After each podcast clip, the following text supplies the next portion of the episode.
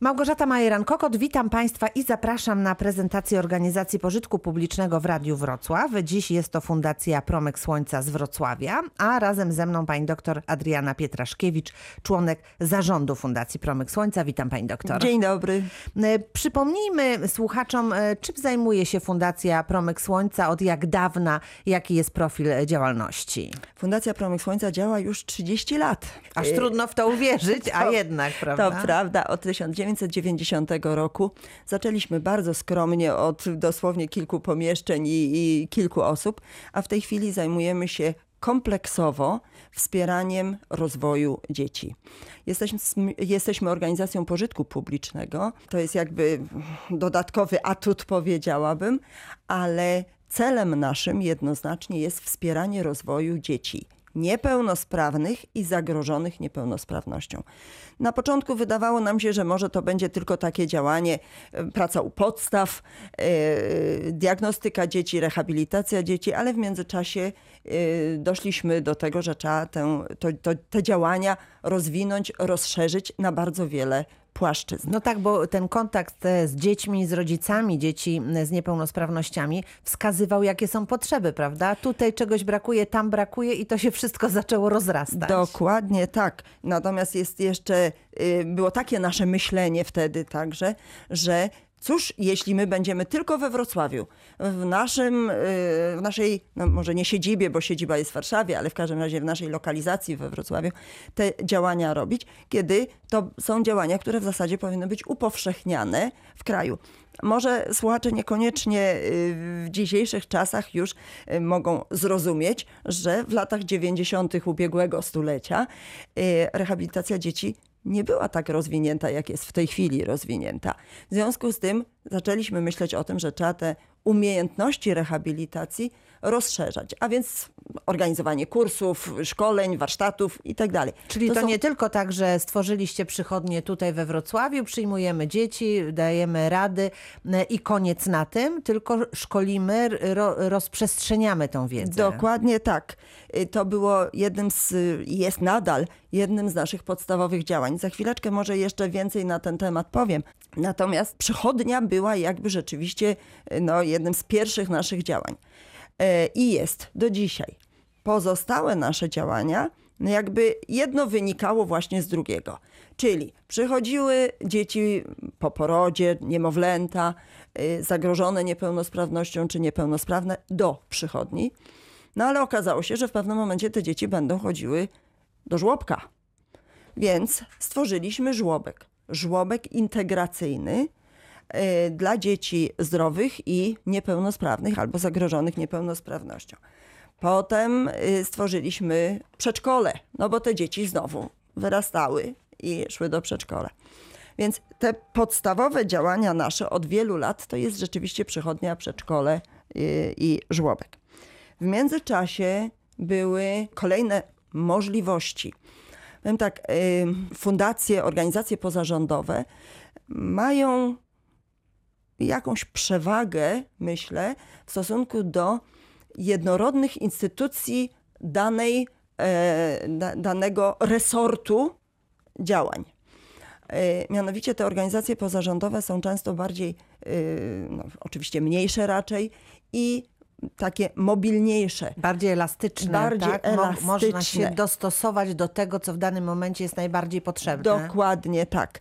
I tak próbowaliśmy my również się y, zachowywać.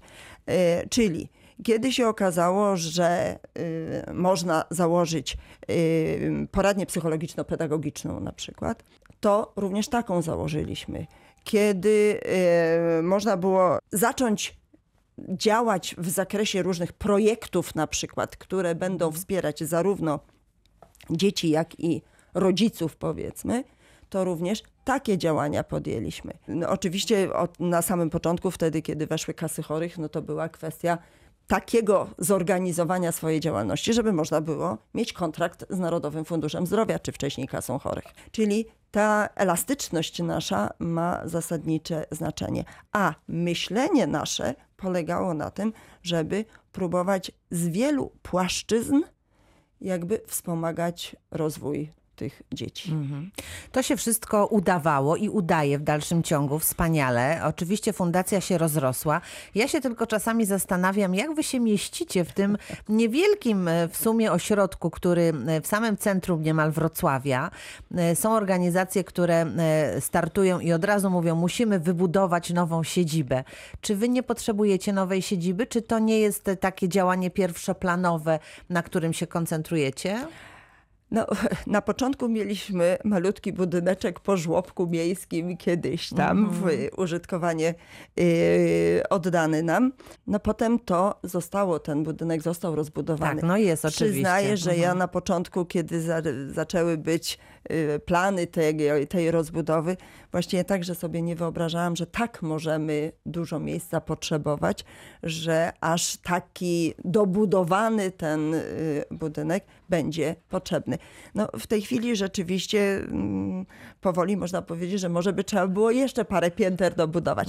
Niemniej staramy się rzeczywiście te y, działania y, tak rozplanować i w czasie, i w przestrzeni, że tak powiem, żeby spełniać y, zarówno wymogi, no jak i pomieścić jak najwięcej. To jest prawda, że my w tej chwili posiadamy na przykład w tym Centrum Diagnostyczno-Rehabilitacyjnym mamy po- poradnie diagnostyczne z Narodowym Funduszem, czasem nie z Narodowym Funduszem, yy, przez Narodowy Fundusz yy, finansowane.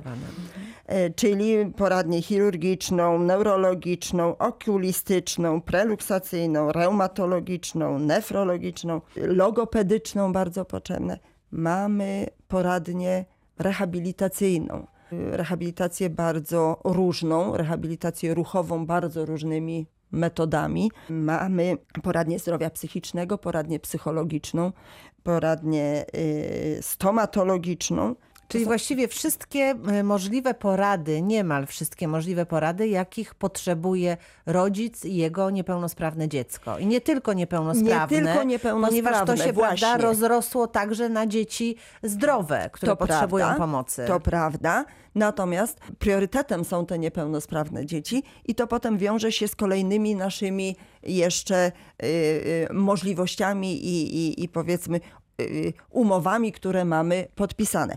Ale to rzeczywiście wychodziliśmy z założenia, żeby pod jednym dachem możliwie jak najwięcej działań dotyczących dziecka Żeby nie odsyłać, tak? Że to na psim polu, tamto na krzykach, prawda? I to tak. takie jeżdżenie od Annasza do Kajfasza trochę. Dokładnie tak i dla rodzice już i tak często umęczeni, zwłaszcza wtedy, kiedy dziecko jest naprawdę niepełnosprawne i potrzebuje kompleksowej i wielowątkowej yy, yy, rehabilitacji, więc są umęczeni różnymi działaniami, ale no, dlatego chcieliśmy, żeby to było pod y, jednym dachem. Z y, takich nowości, może tak ad hoc do, do tego tematu, to powiem, że od niedawna, od ubiegłego roku mamy także y, opiekę stomatologiczną nad uczniami szkół we Wrocławiu. To jest e, wspaniały projekt. e, y, y, Stomatolodzy wracają do szkół.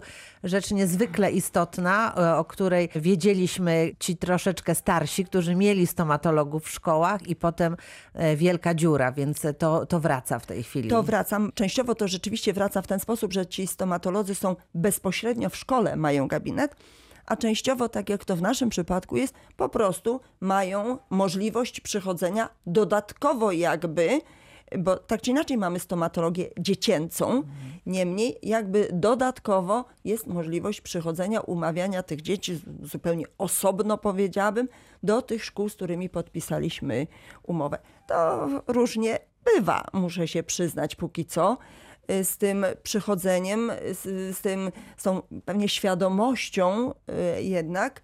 Y, No ale myślę, że to jest kwestia czasu i w każdym razie możliwość, dostępność jak najbardziej w tej chwili taka jest. No i to jest takie, y, no, taka nowość z ubiegłego y, roku. W zakresie może też nowości ad hoc i to jest tak zwany Ośrodek Środowiskowej Opieki Psychologicznej i Psychoterapeutycznej pierwszego stopnia referencyjności. Bardzo e, poważnie i skomplikowanie brzmi. O co chodzi, pani doktor? Rzeczywiście, tak. To jest nowy projekt, z, na który podpisaliśmy umowę z Narodowym Funduszem. Mianowicie i obowiązuje od kwietnia obecnego roku. Czyli w najgorszym możliwym czasie rozpoczął swoją działalność. Dokładnie, tak. I to jest rzeczywiście ośrodek, to są, to są działania, które mają wspomóc dzieci pod względem dzieci i rodziców, ale założenie jest takie, że najpierw dziecko musi być w naszej opiece, żebyśmy mogli zaopiekować się również rodzicami. Czyli mają, ma ten ośrodek wspomagać dzieci i rodziców z problemami, dzieci z problemami psychologicznymi i psychoterapeutycznymi potrzebami. Poradnię psychologiczną i poradnię zdrowia psychicznego mieliśmy od zawsze, od dawna. Niemniej zawsze to no, te nasze wykonania w zakresie tych poradni były znacznie większe niż y, mieliśmy limit. Czyli wynika z tego, że potrzeby są znacznie większe niż dotychczasowe finansowanie y, tej, tej dziedziny. No i y, szczęśliwie to oczywiście nie dotyczy tylko nas, tego, że te potrzeby są takie duże. No i szczęśliwie taki program utworzono, który miałby jakby dodatkowo te dzieci zabezpieczać. Problemy psychologiczne i potrzeby psychoterapeutyczne u dzieci są w tej chwili bardzo duże. Ogromne. Niejednokrotnie nie zdajemy sobie nawet sprawy, jak ważne to jest, żeby dzieciakom pomóc właśnie w tej kwestii. Dokładnie tak. I nie mówimy w tej chwili tylko o obecnym bezpośrednim okresie y, COVID-u, który to okres no, mógł nawet jeszcze zaostrzyć wiele problemów. Natomiast już znacznie wcześniej to było widoczne. Zajmujemy się, jak powiedziałam, niepełnosprawnością i zagrożeniem niepełnosprawnością, yy, ale ta niepełnosprawność nie jedno ma imię. Kiedyś na początku wydawało się, że niepełnosprawność to jest raczej ruchowa, no może psychoruchowa, no może związana z nie taką kiedyś tam opieką w czasie ciąży, w czasie porodu. W tej chwili opieka w czasie ciąży i porodu wyraźnie, znacznie się poprawiła. Tych dzieci, które mają mózgowe porażenie, czyli uszkodzenie centralnego układu nerwowego, które często odbywa się w czasie, ist, zaistnieje w czasie porodu, tego jest bardzo mało. Natomiast jest znacznie więcej dzieci, które mają problemy psychologiczne. Z czym to jest związane, trudno w tym momencie wyrokować. Przyczyn jest pewnie bardzo wiele. Jak najbardziej. Natomiast dzieci właśnie i z, z powiedziałabym, różnymi problemami y, psychologicznymi i z szczególnym problemem pod tytułem y, zespół Aspergera czy cechy autystyczne, takich dzieci jest wyraźnie więcej. Zmienia się także styl życia, styl wychowywania, styl opieki nad dziećmi. No i niestety wielokrotnie to y, jakby no, może trochę sprzyja rozwojowi niektórych y, problemów, a w każdym razie niekoniecznie im przeciwdziała. I stąd te potrzeby y, psychologicznej pomocy, psychoterapeutycznej pomocy są ogromne. W tym y, ośrodku pierwszego stopnia referencyjności na przykład nie musi koniecznie pracować psychiatra. To też jest jakby znakomita sprawa, bo psychiatra tak naprawdę ma jakiś tam zakres swojej pracy i pacjentów, którzy powinni do niego wracać i wracać i wracać. Bo to zazwyczaj z tymi dziećmi niepełnosprawnymi, a i także zagrożonymi niepełnosprawnością, to jest praca na wiele lat bardzo często. To nie jest jedno spotkanie, absolutnie. W żadnym razie. Y, Więc do psychiatry niektóre dzieci muszą wracać, ale niektóre mogą stosunkowo bardzo rzadko odwiedzać psychiatry albo w ogóle raz czy dwa, a naprawdę potrzebują tego wsparcia psychologicznego i psychoterapeutycznego regularnego. No i stąd ta nowość jest znakomita. Ale jeszcze jest druga rzecz, która jest w tym względzie znakomita. Mianowicie w tym ośrodku jesteśmy zobligowani do zajmowania się także y, dziećmi w środowisku. Jest ośrodek środowiskowej opieki także. Co to znaczy? Czyli to jest kwestia em, współpracy z szkołami, poradniami psychologiczno-pedagogicznymi, z różnymi instytucjami, które zajmują się dziećmi. Ale także z, rodzi- z rodziną właśnie. Mhm. Dokładnie, dokładnie.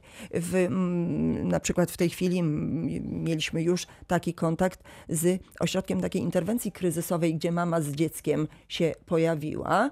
Yy, No i, no i, i jedno i drugie potrzebuje Pomocy. wsparcia Mhm. takiego psychologicznego.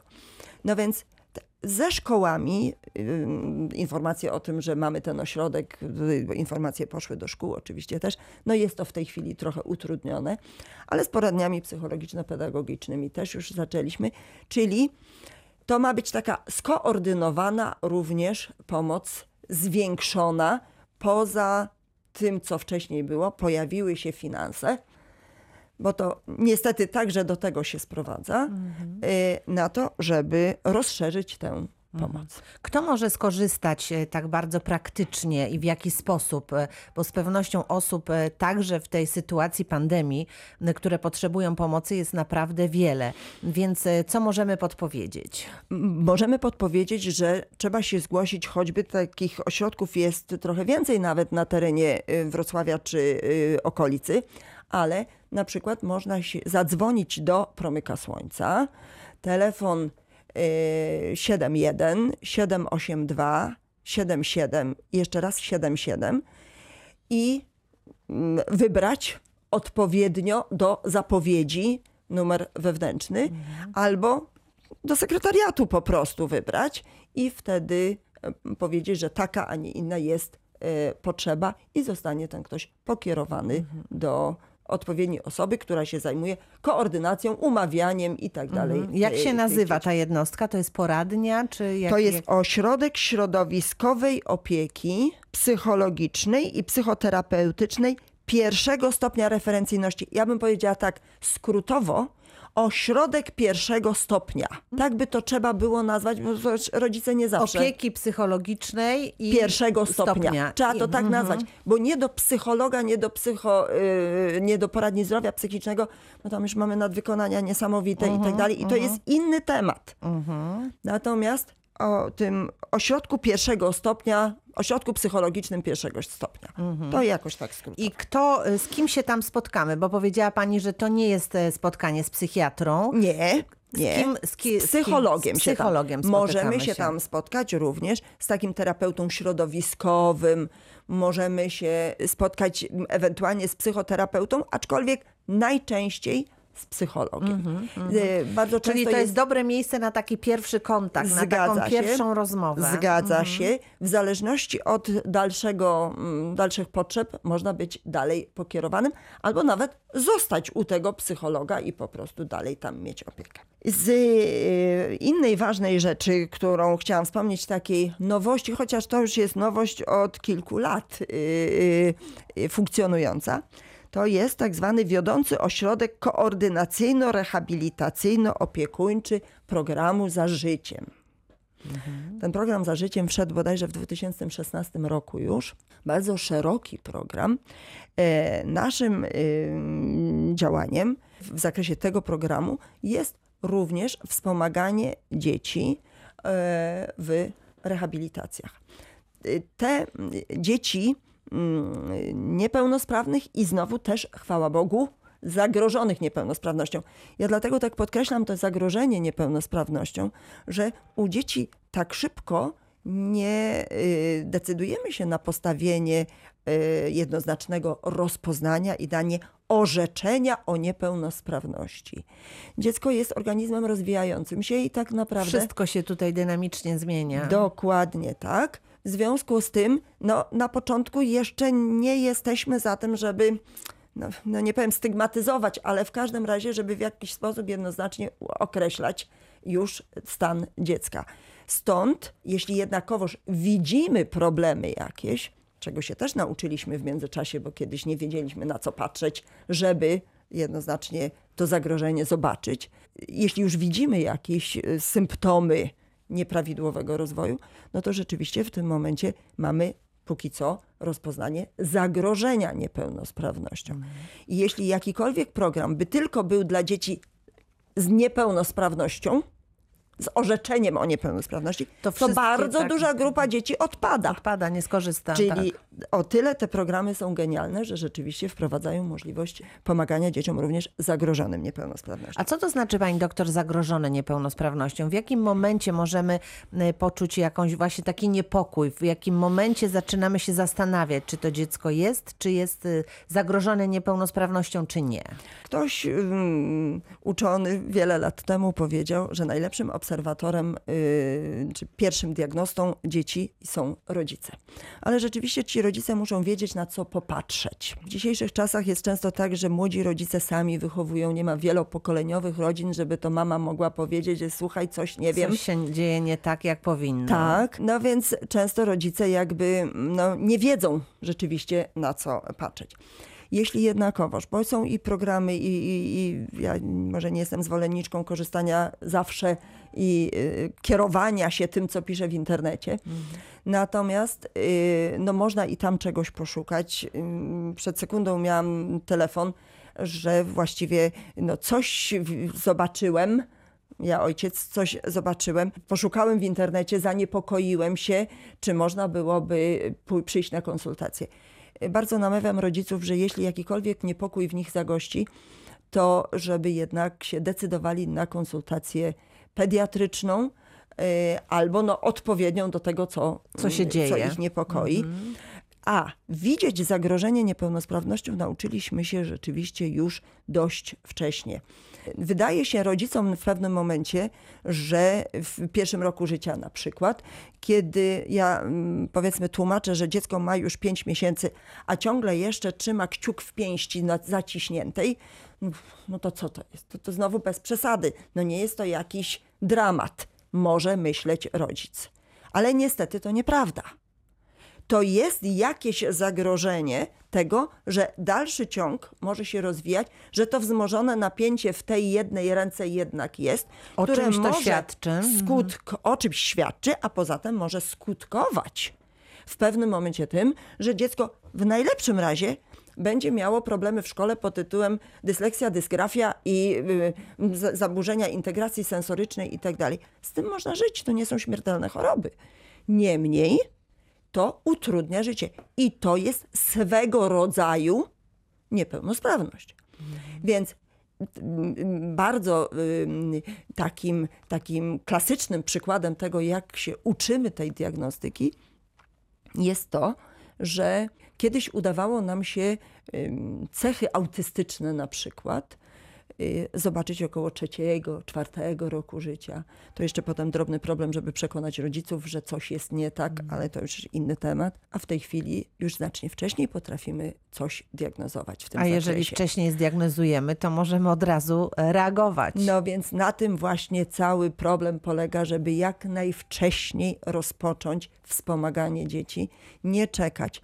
Bardzo niestety ciągle jeszcze rodzice myślą, że to się samo wyrówna. E, czasem tak, to, to prawda.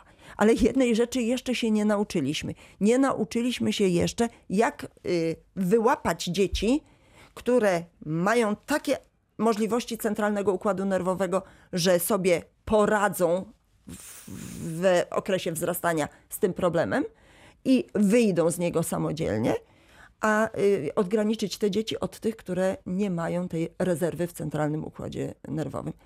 Ponieważ tego jeszcze nie umiemy, to jeśli cokolwiek widzimy, powinniśmy jednoznacznie y, podjąć wspomaganie tych dzieci. Mhm. I potem, w zależności od tego, co się będzie dalej rozwijało, albo to jest kwestia mm, mm, dłuższej, dłuższego wspomagania, albo krótszego wspomagania. Może jeszcze o jednej takiej dość może no, nowości chciałam powiedzieć.